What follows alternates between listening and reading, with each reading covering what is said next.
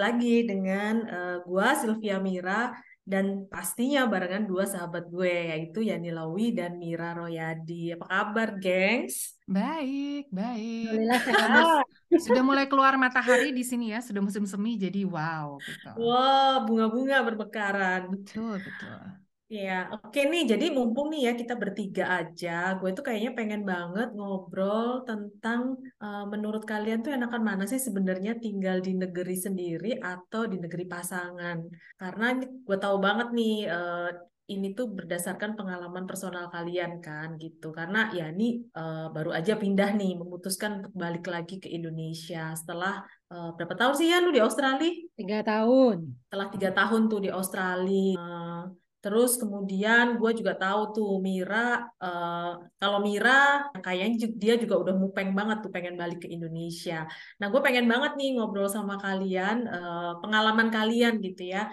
Uh, sebenarnya enakan mana nih tinggal di negara Indonesia, di negara kita sendiri atau di negara uh, lain gitu.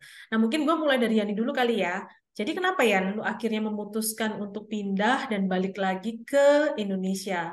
Aduh, apa ya, uh, Sylvia Mira, gue tuh sejujurnya suka bingung gitu ya kalau ditanya, karena banyak banget yang nanya, kenapa sih bukannya enak di sana ya, lebih enak di sana, uh, kenapa balik ke sini? gue mikirnya sama, kenapa tuh?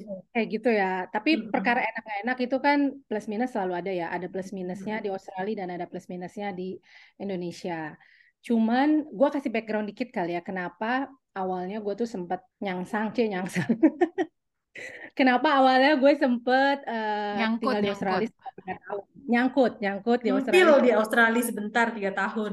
Iya, karena sebenarnya nggak niat, nggak niat tinggal di Australia. Hmm. Kan saat gue hamil, gue sama Shannon tuh memang kepikiran, oh nanti melahirkan, cuti melahirkan, kita ke Australia. Jadi nanti anak kita tuh punya waktu sama kakak neneknya yang dari Australia gitu kan. Hmm. Karena saat itu kan kita tinggalnya di Jakarta. Nah, akhirnya uh, bulan Maret 2020 kita terbang ke Australia dengan Noah yang saat itu masih empat minggu usianya.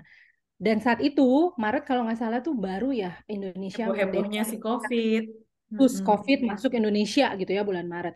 Nah di kepala kita berdua tuh kayak oh ya udah dua tiga bulan pas nih kita pulang, everything bakal baik-baik aja. Nggak ada yang tahu itu akan jadi pandemi global gitu kan. Ternyata pas mendarat di Australia nggak lama border Australia tutup dong. Border Australia tutup terus ya udah kita mau nggak mau uh, jadi ya udah deh kita stay dulu di Australia selama tiga tahun. Terus uh, akhirnya setelah pandemi mulai-mulai mereda, mulai tuh jadi pembicaraan kan gua sama Shannon ini kita mau lanjut mana? Oh. Mau stay di Australia atau mau pulang lagi ke Jakarta atau bagaimana gitu. Terus nggak hmm. gampang tahu bikin keputusan yeah. itu karena setelah tiga tahun anyway udah tiga tahun juga di sana ya, udah mulai biasa kan? Udah terbiasa dengan semuanya kehidupan di sana. Terus akhirnya kita ya kita sempat browsing-browsing cari rumah di Melbourne hmm. dan di. Jakarta di saat yang bersamaan tuh browsing-browsing aja online. Hmm. Terus akhirnya uh, dapat rumah di Jakarta.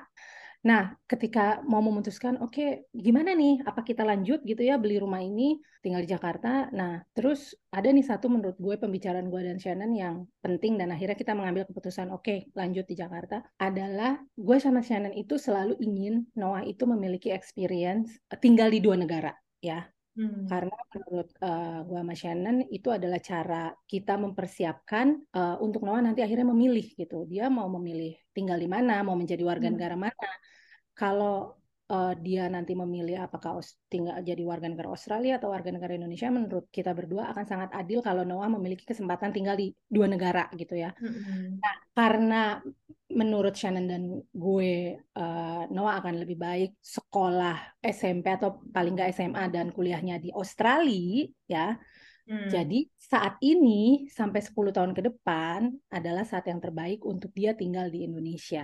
Akhirnya mutusin, oke, okay, mari kita kembali ke okay, Jakarta. mari kita rombongan berangkat balik pulang ke Indonesia.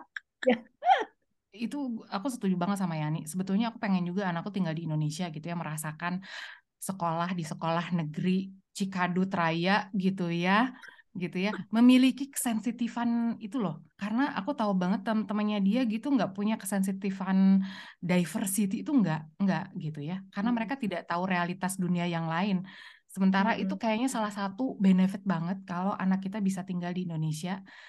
Nah, tapi apa sih Mir yang sebenarnya bikin lu masih memutuskan stay di Jerman gitu sampai sekarang? Kayaknya lebih ke pragmatis gitu. Karena ketika kita ngobrol ya, kayaknya suami gue tidak akan mampu bertahan di Indonesia. Itu aja sih. Hmm.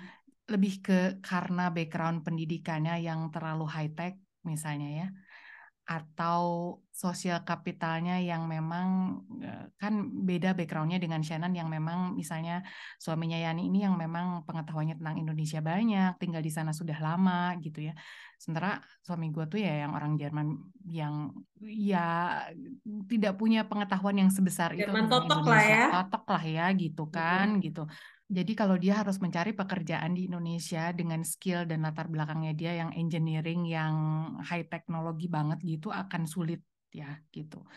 Dan akhirnya meskipun keinginan untuk balik ke Indonesia ini selalu besar karena gue merasa dengan capacity gue yang sekarang gue akan lebih mudah mendapatkan pekerjaan di, di Indonesia sebetulnya daripada di Jerman. Di sini gue tuh harus fight banget ya karena harus bersaing dengan orang Jerman yang bahasanya pun udah pasti lebih perfect dari gue gitu ya itu tuh berat banget gitu. Tapi kalau untuk balik ke Indonesia juga ini akan lebih jauh lebih sulit buat suami gue. Dan ketika akhirnya menikah gitu ya, ini juga kenyataan yang nggak terbayangkan dari awal ketika menikah. Gue pikir ah, akan dengan sangat mudah ya pindah ke sana kemari gitu kan.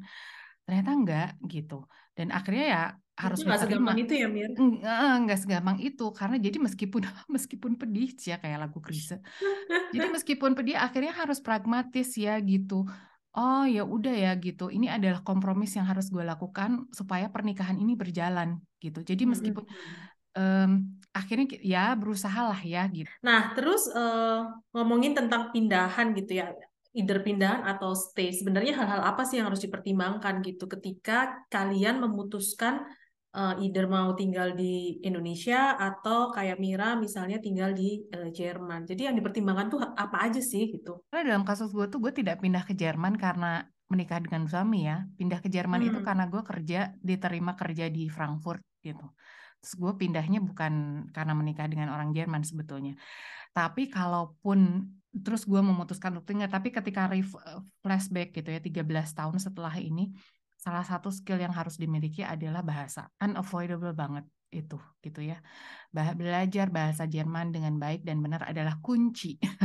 kunci bukan hanya dalam komunikasi dengan suami gitu ya, kunci komunikasi dengan anak. Karena misalnya kalau anak aku punya tugas sekolah gitu ya, matematika, bahasa Jerman segala macam, gue bisa maksudnya istilahnya mempertahankan, memperlihatkan bahwa gue juga tahu loh gitu ya. Kan kebayang kalau anak di sekolah terus aku nggak bisa cope sama materinya dia. Jadi bahasa itu penting banget.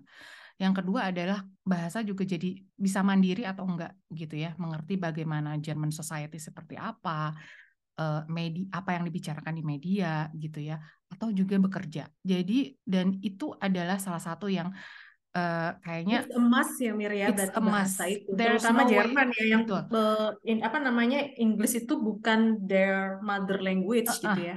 Ya, itu kan udah ke technical level ya. Tapi Mm-mm. sebelum itu kayaknya gue mau narik ke belakang. Mungkin yang harus dipikirkan juga adalah karena kan biasanya ya kalau jadi pasangan mixed couples itu ini enaknya Hmm. tinggal di mana ya? Baiknya gitu. Baiknya tinggal di mana? Di Hmm. negara kita sendiri, negara pasangan.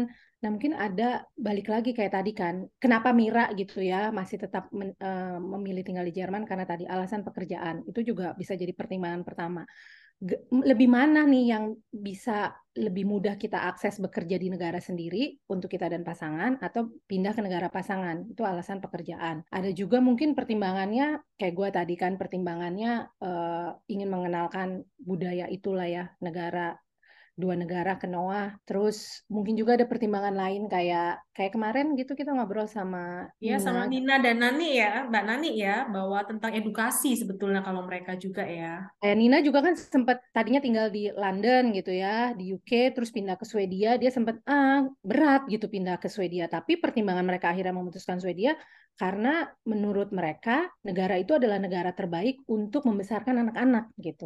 Jadi bisa juga Hmm. alasannya itu gitu kan. Eh, terus ya tergantung ya, tergantung dari masing-masing pasangan pertimbangannya apa eh, dan tinggal dicari langkah-langkahnya untuk untuk mencapai itu. Kayak Mira Roya dibilang tadi, bahasa gitu kan persiapannya. Terus Hmm. mungkin persiapan lain adalah izin tinggal itu juga harus harus diketahuin sih. Hmm, hmm, hmm, hmm, Itu hmm, hmm. Betul, betul. Nah, ngomongin tentang izin tinggal nih, gue jadi kayak kepikiran gitu. Karena ngurusin kepindahan itu kan, wow, so ruwet ya. Poin-poin apa sih sebetulnya yang paling penting gitu, yang eh, yang harus kita prepare gitu di awal, eh, Yan? Ini kalau berdasarkan eh, Pengalaman pengalaman aja, pengalaman ya, aja. pengalaman gue gitu Hmm. eh, dari Australia terus balik ke Jakarta, paling nggak ada tiga hal sih kalau gue ya. Yang pertama eh, memikirkan izin tinggal buat Shannon gitu kan, kayak kitas gitu. eh, yang untungnya diuntungkan bisa diurus secara online, jadi dia bisa dapatkan izin tinggal. Jadi ketika dia mendarat di Jakarta, udah nggak diributin atau nggak diribetkan dengan pengurusan eh, itu. Kalau untuk hal ini gue sangat senang dengan negara Indonesia karena menurut gue jauh lebih mudah mendapatkan izin tinggal bagi Shannon untuk ke Indonesia dibandingin gue dapat izin tinggal di Australia. Oh gitu. Oh, Aduh, baru baru baru tahu gua. ribetnya, ribetnya luar biasa. Nah, itu yang pertama. Yang kedua adalah mempersiapkan untuk si sekolahnya si Noah gitu. Eh, jadi sempat cari-cari eh, preschool. Nah, terus yang ketiga adalah logistik tadi yang lu bilang, eh, Sylvia Mira, mem- memindahkan barang-barang yang luar biasa banyak dari Australia ke sini gitu itu juga nggak mudah jadi harus nemu eh, apa ya ekspedisi yang paham banget gitu. Urusan surat-surat urusan segala macam jadi kita kontak beberapa ekspedisi dan memang nemu ekspedisi eh, di Australia yang pemiliknya orang Indonesia Oh ya wow, this is jadi dia lucky tahu ya. Iya, jadi dia tahu banget. banget, dia tahu banget surat-surat yang dibutuhkan. Jadi kita tinggal ngikutin apa kata dia. Dia termasuk dia yang ngurusin ke apa namanya ke KJRI untuk dapetin Oh, surat. oke. Jadi bisa bisa kita bawa barang itu bisa lebih mudah gitu ya. Karena kalau enggak ya gimana pertanggungjawabannya bawa barang luar biasa banyak gitu kan. Itu kan butuh butuh izin masuk, barang itu butuh izin masuk. Nah, si ekspedisi itu yang membantu semuanya komunikasi ke KJRI dan segala macamnya. gitu. Nah, kita sebelum tutup nih, sebelum closing nih, kira-kira dari kalian ada tambahan lagi nggak, guys, untuk em, untuk topik ini gitu ya? Eh, apa sih sebenarnya mau? Karena menurut gua mau tinggal di negara sendiri, mau tinggal di negara pasangan itu kan sebetulnya pilihan ya. Jadi Hmm. karena diperlukan eh, pemikiran yang sangat panjang gitu ya, karena kan banyak banget yang harus dipikirkan mulai dari keluarga, pekerjaan, eh, pendidikan anak dan lain-lain. Dan balik lagi itu adalah pilihan gitu bersama dengan pasangan kalian. Kalian ada tambahan nggak? Kalau aku sih lebih kayak gini, Pat, eh, pikirkan dengan matang ya, gitu. Kalau mau memutuskan itu, tapi be open. Karena aku juga Hmm. ngelihat di balik segala kesulitan dan kesusahan yang dialami dalam hubungan ini dan tinggal di Jerman, um, it bring me, it brings me so much more gitu. Jadi aku nggak bakalan, Hmm.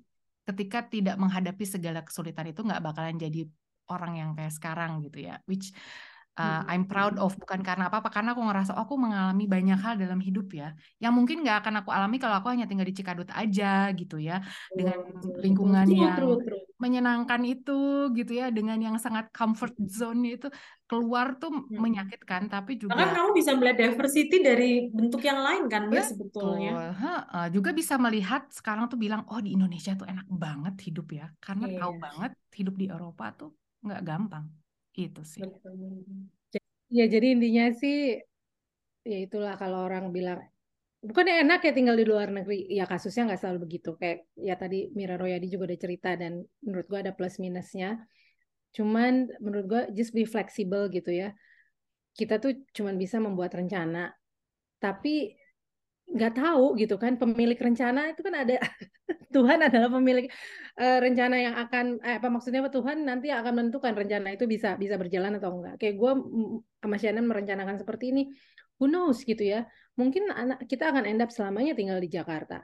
Eh, nggak balik lagi ke Australia. Jadi Bisa aja gitu ya. bisa aja gitu. jadi harus fleksibel open mind dan eh, menerima konsekuensi gue sepakat dengan Mira Royadi adalah konsekuensi berpasangan dengan warga negara asing ya itu adalah bagiannya ya eh, bagian dari Itu dari yang bagian cerita gitu ya, bagian pengalaman yang harus dijalanin. Iya, betul. Oke, jadi begitu ya. Jadi uh, demikian bahasan episode kita kali ini. Kalau kalian tetap pengen ngobrol-ngobrol sama kita, atau misalnya kalian punya topik yang menarik gitu ya, yang bisa di-share barengan sama kita, boleh banget. Silahkan kirim ke email mixcouples.id@gmail.com atau bisa DM kita di Instagram kita di @mixcouples.id.